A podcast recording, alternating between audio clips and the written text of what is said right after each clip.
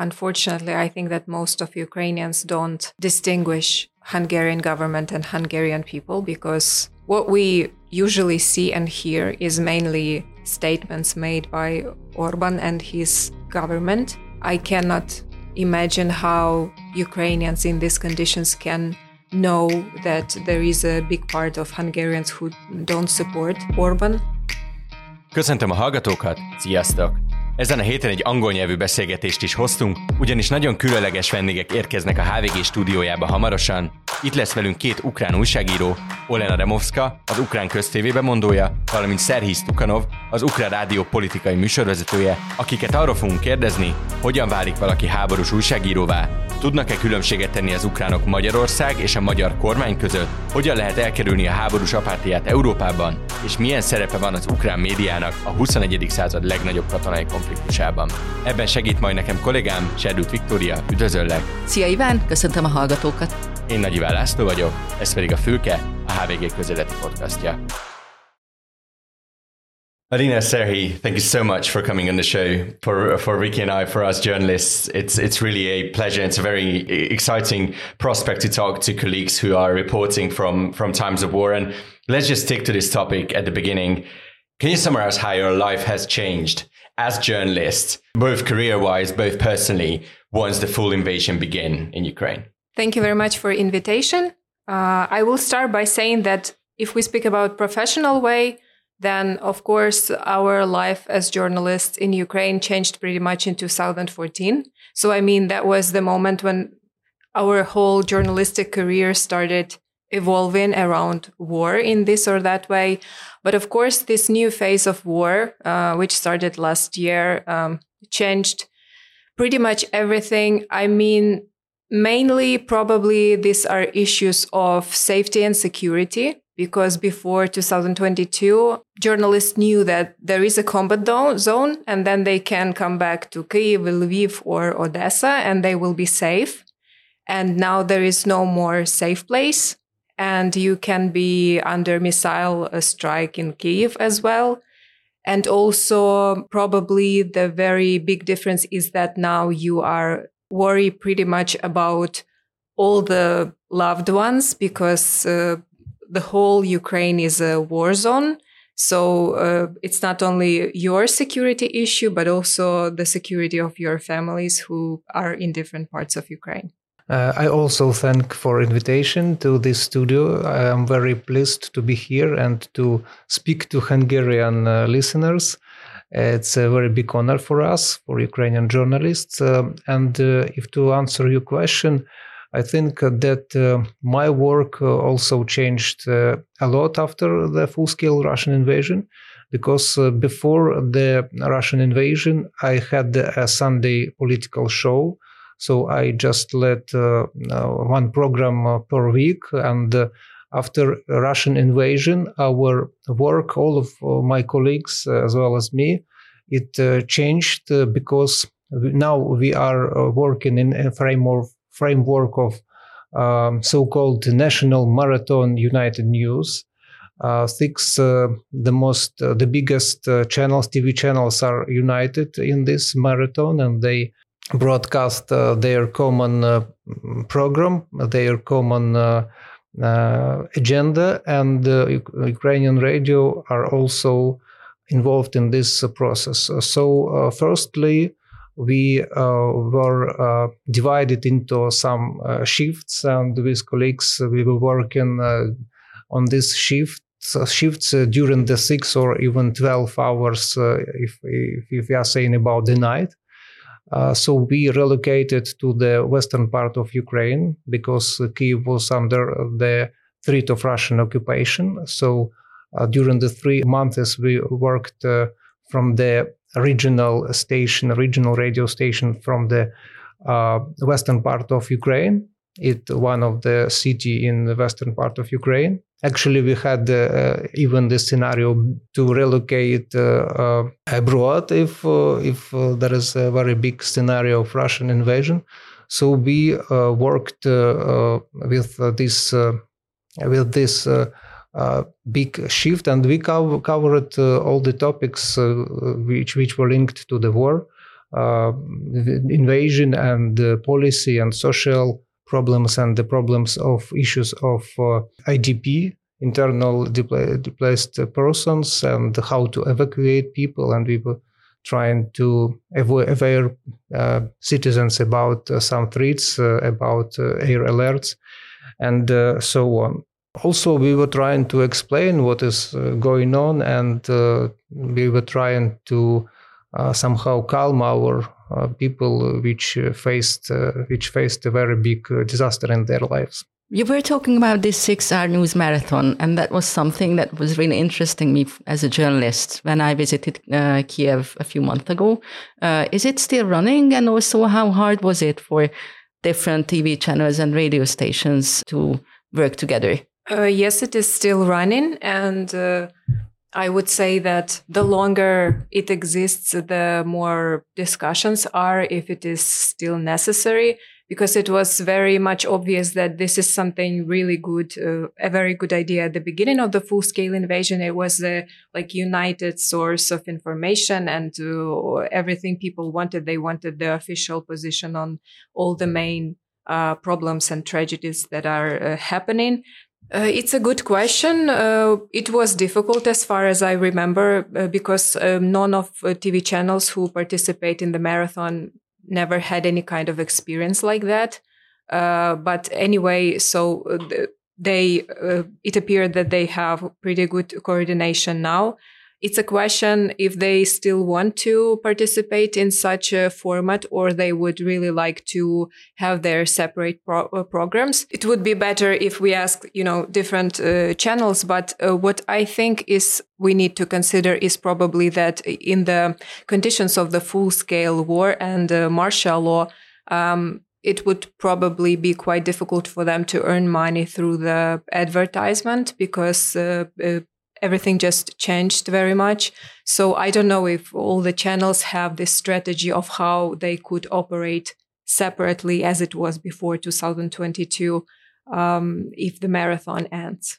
And I want to some uh, add some words about the radio because uh, firstly, actually, we broadcasted uh, almost uh, 50 percent of our broadcasting time. We broadcasted uh, TV marathon and the other part, the other half of our broadcast was our own production. Uh, but uh, from this new season, uh, since September, this September actually, we almost uh, jumped out, uh, if I can to say uh, in such way, from this TV marathon. I think that only 10 or maybe 15% of our broadcast we are still broadcasting this uh, TV marathon, and uh, the other time we have uh, our own programs and uh, products. So we are also um, we think that it's not uh, it's not very useful for the, for the moment. In independent media all across the world, there's this shared understanding of our role that we need to protect informations, we need to inform citizens about uh, what's happening around them, we need to be fully independent from any political pressure, and, and that is kind of the role we serve in the public sphere. How has this role changed in your lives when the full scale invasion began? How did you redefine yourselves as journalists, and how differently do you look at what you're doing now compared to what you were doing, let's say, two years ago or 10 years ago?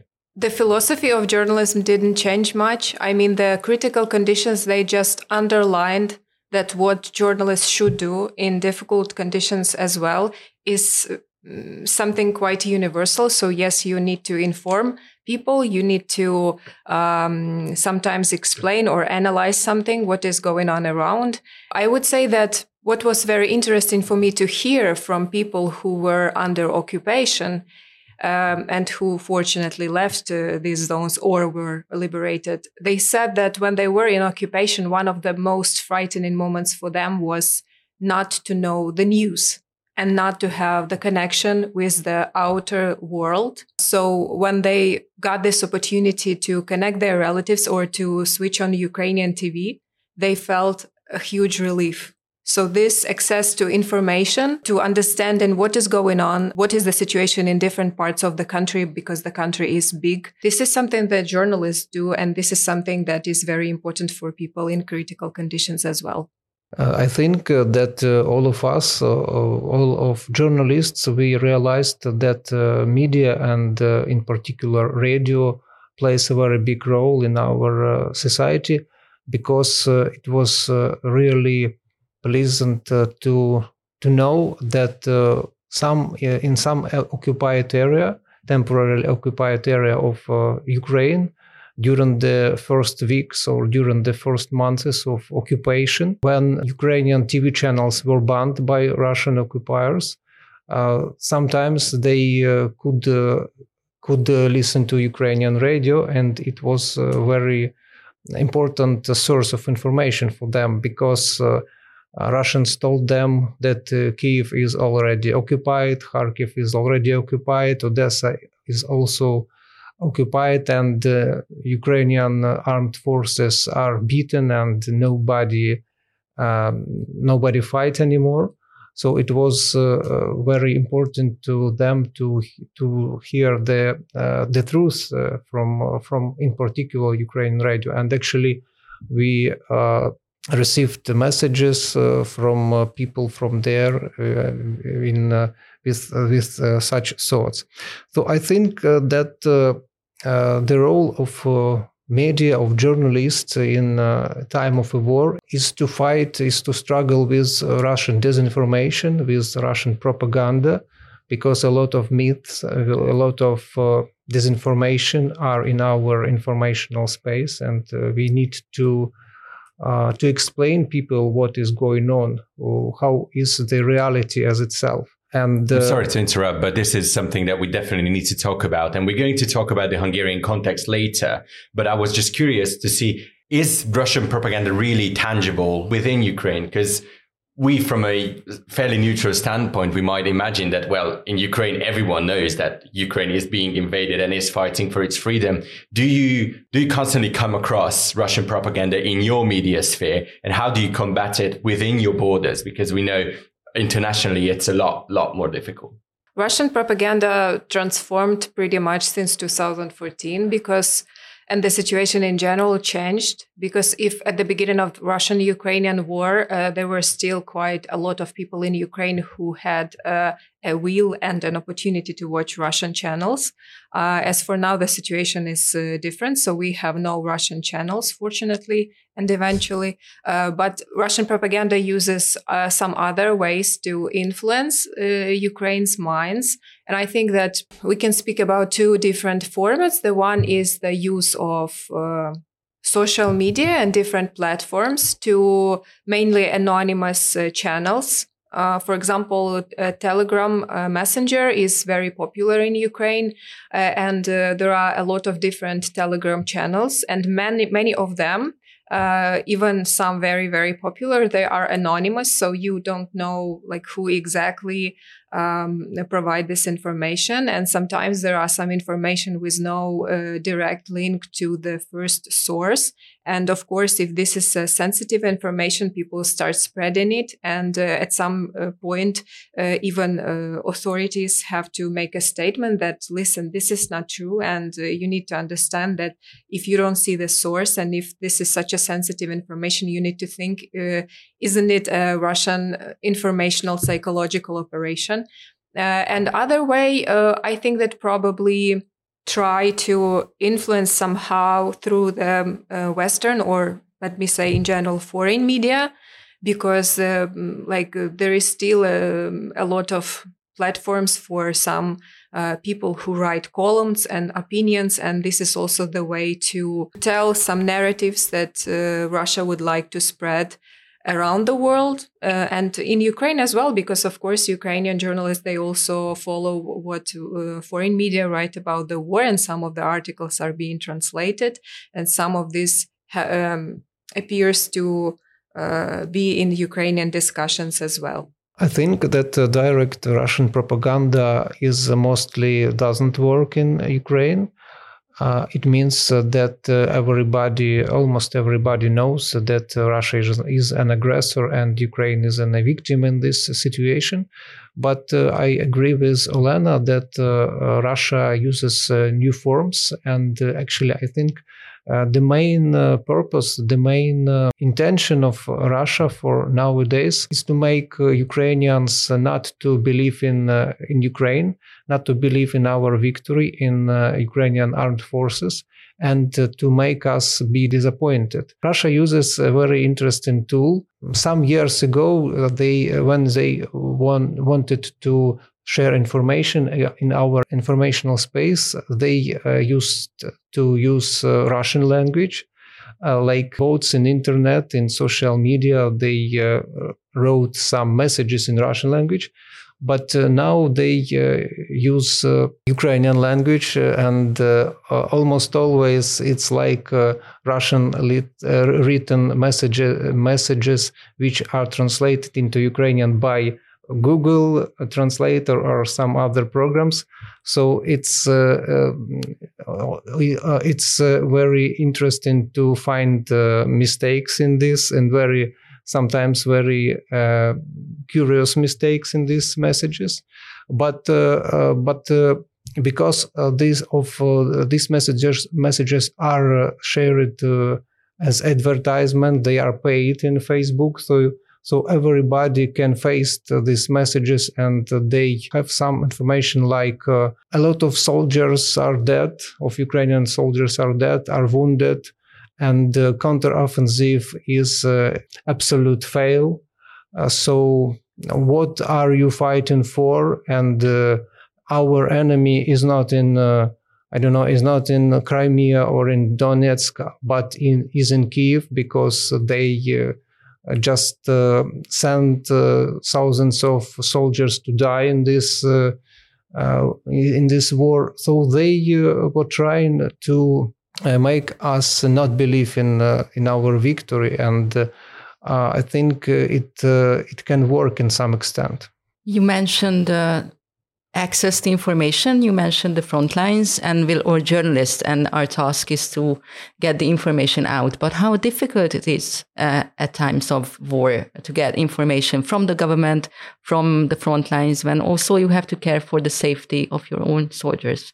Yes, I have to outline that I mainly work as a presenter, so I don't really go to the front line. Uh, but uh, of course, we deal with military servicemen in particular. And yes, this is a big challenge. Uh, first of all, there are some, uh, there are already some official limitations of how journalists work in the combat zone.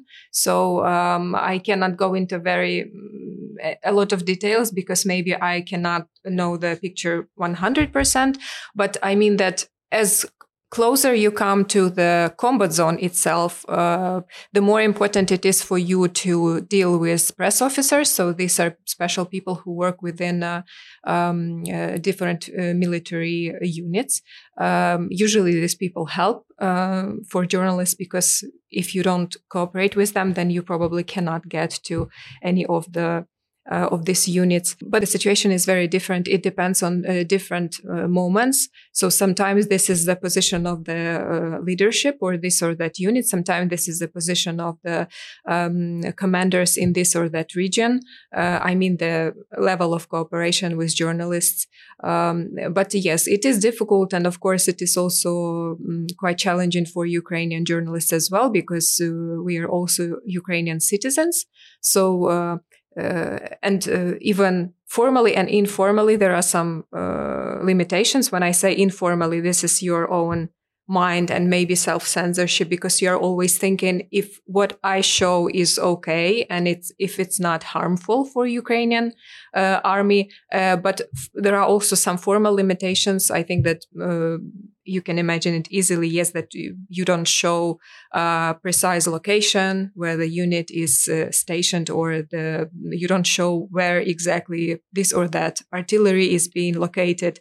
So yes, a lot of challenges. This is definitely much more difficult than it was before 2022. As far as I understand, all Ukrainian journalists try to keep to those uh, limitations and protecting the army. But is it the same for foreign journalists? Do you maybe have uh, trouble with foreign reporting?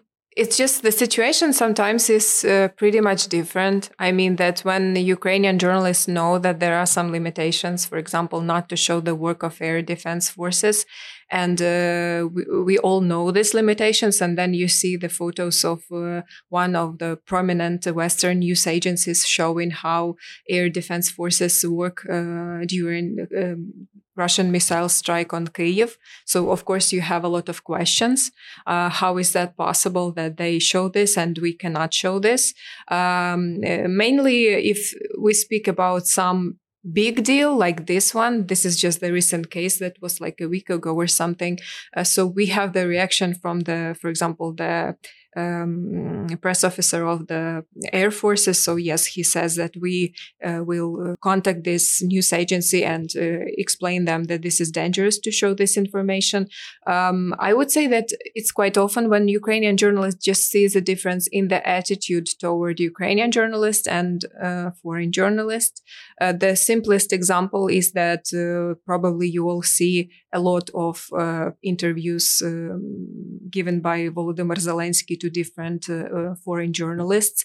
And if we speak about the situation with Ukrainian journalists, then during this year and a half, I think there was only one in-person interview um, of uh, president to Ukrainian journalist, uh, Ukrainian TV presenter. Um, also, um, there is a question like uh, that there are more meetings with foreign journalists than with Ukrainian journalists. As far as I remember, there is an official position by uh, the office of the president that uh, colleagues, you need to understand that we rely pretty much on the foreign support in uh, fighting in this war. So, of course, we need to communicate with them. But I think that this is not an excuse of uh, the way of commu- how communication with Ukrainian journalists is being built. So, a lot of uh, questions, yes, but uh, as there are discussions, fortunately, uh, the representatives of the authorities they usually react if uh, a journalist publicly raise the question. What you were mentioning is is very interesting that both President Zelensky and both his office are, are doing an immense job in in the Western world and in the Western media to gather support for Ukraine.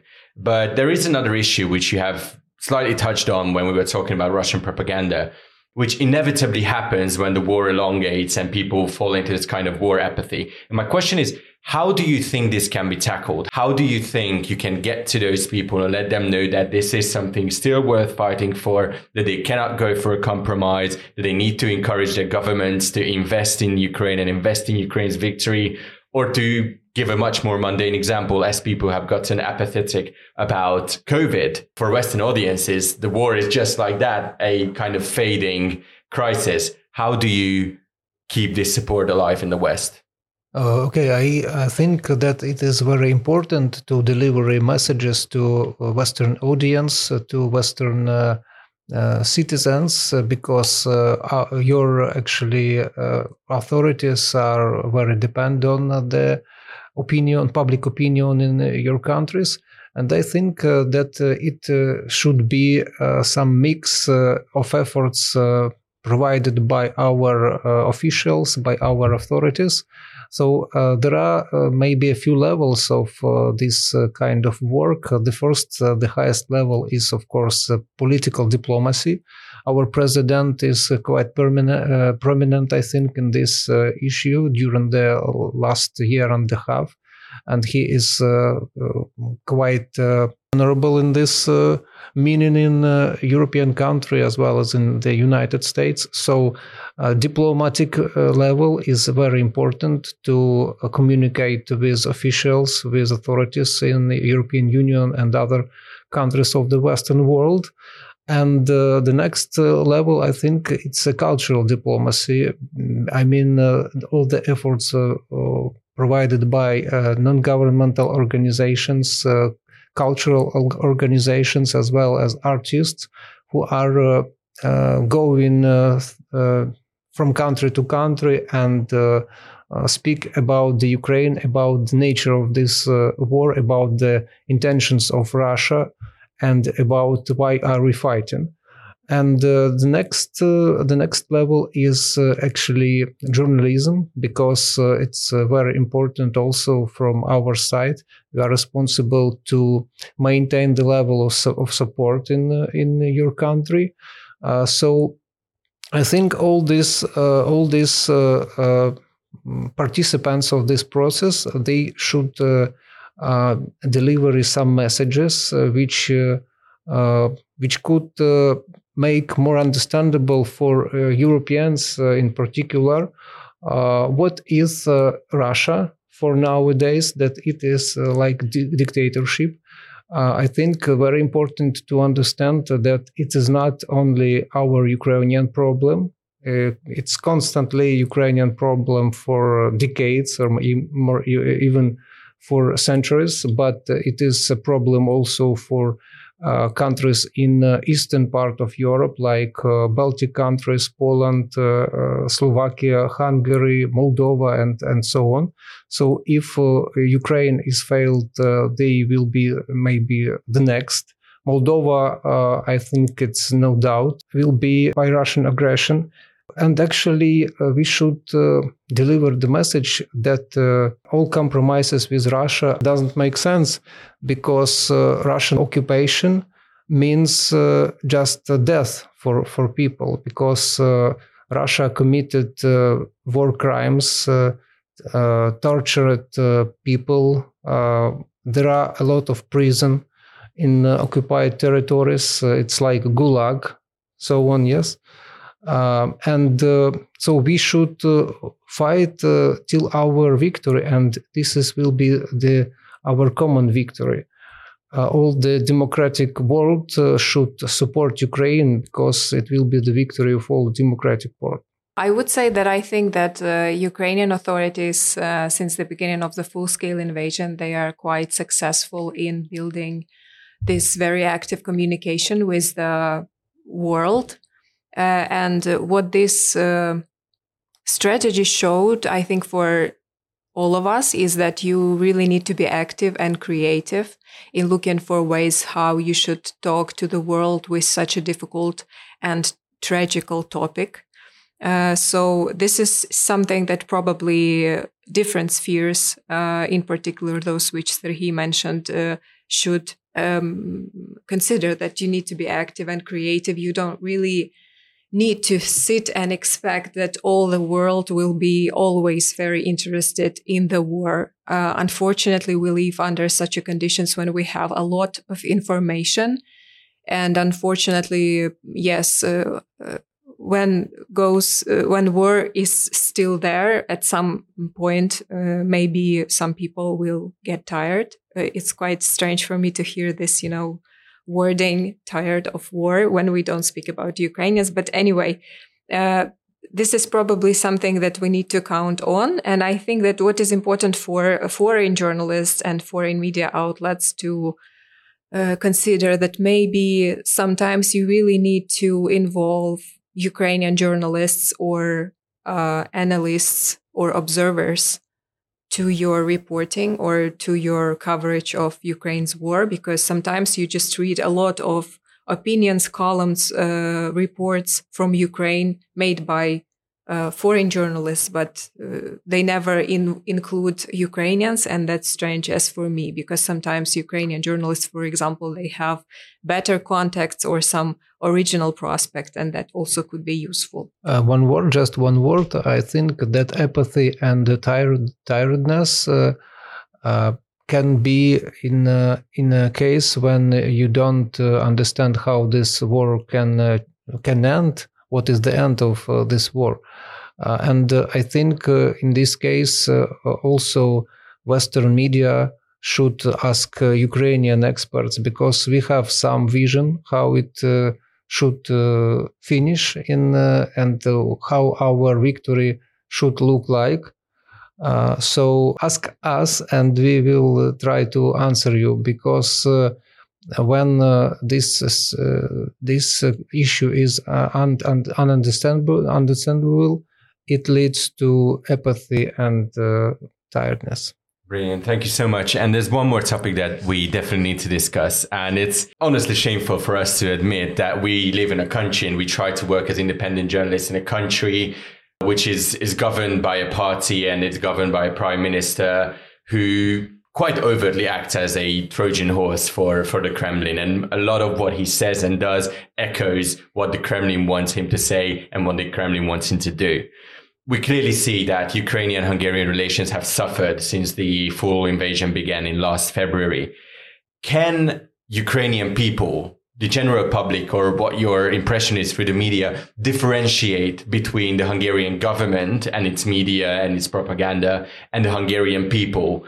In a very simple term, do Ukrainians have a problem with Hungary or do they have a problem with the Hungarian government who tries to define themselves as the whole country? I will disappoint you. Unfortunately, I think that most of Ukrainians don't distinguish Hungarian government and Hungarian people because what we usually see and hear is mainly statements made by Orban and his government. I cannot imagine how Ukrainians in these conditions can know that there is a big part of Hungarians who don't support Orban we have an example, for example, of uh, Georgia, where the situation is also very interesting because they have this pro-Russian government. But what Ukrainians also saw is that there were big demonstrations in support of Ukraine in Georgia. So if you ask Ukrainian about Georgia, they will probably tell you that yes, we know that there is a pro-Russian government, but we know that there is a big part of Georgians who support Ukraine and who don't agree with the politics of this ruling party.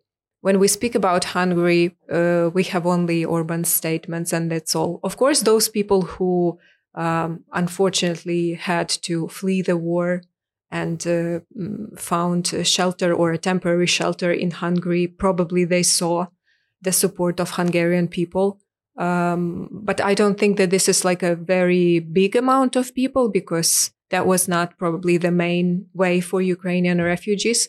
And uh, of course, there are some um, media outlets in Ukraine who cover this uh, EU topic and uh, Hungary in particular, and they um, sometimes write about the situation uh, in Hungary, about the um, Hungarian propaganda, how all this works in Hungary, or how uh, different the situation is in Budapest and the rest of Hungary. But I would say that these um, articles they are probably not the articles of the general interest. I want to say that uh, we have, uh, unfortunately, we have very little coverage of Hungary in our country. Uh, so uh, we are definitely see only the statements of uh, Orban or Szijjártó, and uh, they uh, actually they repeat some Russian narratives, Russian propaganda. I think it's natural, natural that in during the war, majority of, of, our people have like has like uh, Uh, black white uh, optic uh, and we divide uh, our uh, neighbors and other countries like uh, uh, our uh, supporters and our partners and actually our enemies. Or maybe the third part is countries who are who are very neutral but actually uh, statements of Orban and uh, Szijjártó, they uh, looks like uh, supporters of uh, of Russia. I think uh, that mm, Ukrainians don't make don't make difference between. Hungary government and Hungary people. I think the very similar situation is with Belarus because uh, historically Belarusian people is very close to Ukrainians. I think uh, before the 16th century, maybe we were the even were the Uh, very similar uh, ethnic uh, and cultural uh, groups, uh, but uh, then we were under Poland and the Belarusians were under Lithuania. so we like had our ways. But I mean that now, because Belarus is a partner of Russia, so Belarus is is like uh, an aggressor also with with Russia. So uh, Ukrainians don't like Belarusians as well. So we have a, a little bit discussion uh, whether Belarusian, if Belarusian people also responsible for the Lukashenko regime uh, crimes and acts. Uh,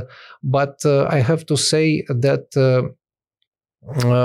may, maybe a majority thinks that uh, Belarusian people also responsible for, for these crimes. There are uh, some signs in Hungary that this relation between Hungary and Ukraine might change. At least President Novak visited Kiev a few weeks ago or a month ago. Do you see this as a way to reconciliation or um, is there something else that would be needed to have a better relationship between Hungary and Ukraine? It's quite difficult to answer because the public rhetoric of the main person in the country, I mean, uh, Prime Minister Orban, do, don't change much. And uh, I think it will be quite difficult for Ukrainians to change their opinion about him uh, because he was the person, uh, if I'm not mistaken, who questioned, for example, the genocide in Bucha if I'm not mistaken, at the beginning of the full scale invasion. If I make a mistake, so you just cut cut it he, off. But I think no, but it is good. He didn't question. He said there needs to be independent investigation going into it, but he kind of tackled or, or got around answering. well, question. he did question was the sovereignty of Ukraine, for example. So you know it will be quite difficult for uh, Ukrainians to change the perception of Orban. I cannot even imagine what can he do to change the view uh, of Hungary among the Ukrainians. Uh, but uh, anyway, of course, if uh, I think if Hungarians or um, Hungarian journalists will be active uh, working with Ukrainian topic and covering how all this ha- is happening. I know that there are some humanitarian uh, organizations from Hungary who helps Ukrainian Ukrainians inside Ukraine so maybe it will influence a little bit. But on the very general level, I think that so much was already said during this year and a half, then it will be quite difficult for Ukrainians to change their mind. I think, uh, anyway, it is an important act of uh, Hungary to visit Kiev, and uh, this presidential visit is uh, very good because uh, I cannot imagine a meeting between uh, Zelensky and Orban nowadays because I think they can they couldn't have any agenda to uh, to uh, speak, uh, but but the presidential visit is very good. But I think that if to if to look into the future, I think that Ukrainian-Hungary relationship must uh, must be like good neighbors but maybe it uh, my, my, the conditions uh, for this situation will be after our victory i think Alina, Sergey, thank you so much for coming on the show. Thank, thank you. Köszönjük a figyelmet hallgatóinknak, a fülke hamarosan folytatódik, addig is iratkozzanak fel a HVG podcastokra és kapcsolják be az értesítéseket, ugyanis elindult a Mérlegen és a Zékaszt új évadja, valamint elrajtolt a Vasfüggöny és a Kösz jól is, nem maradjanak le róla. Én Nagy Iván László vagyok, viszont hallásra.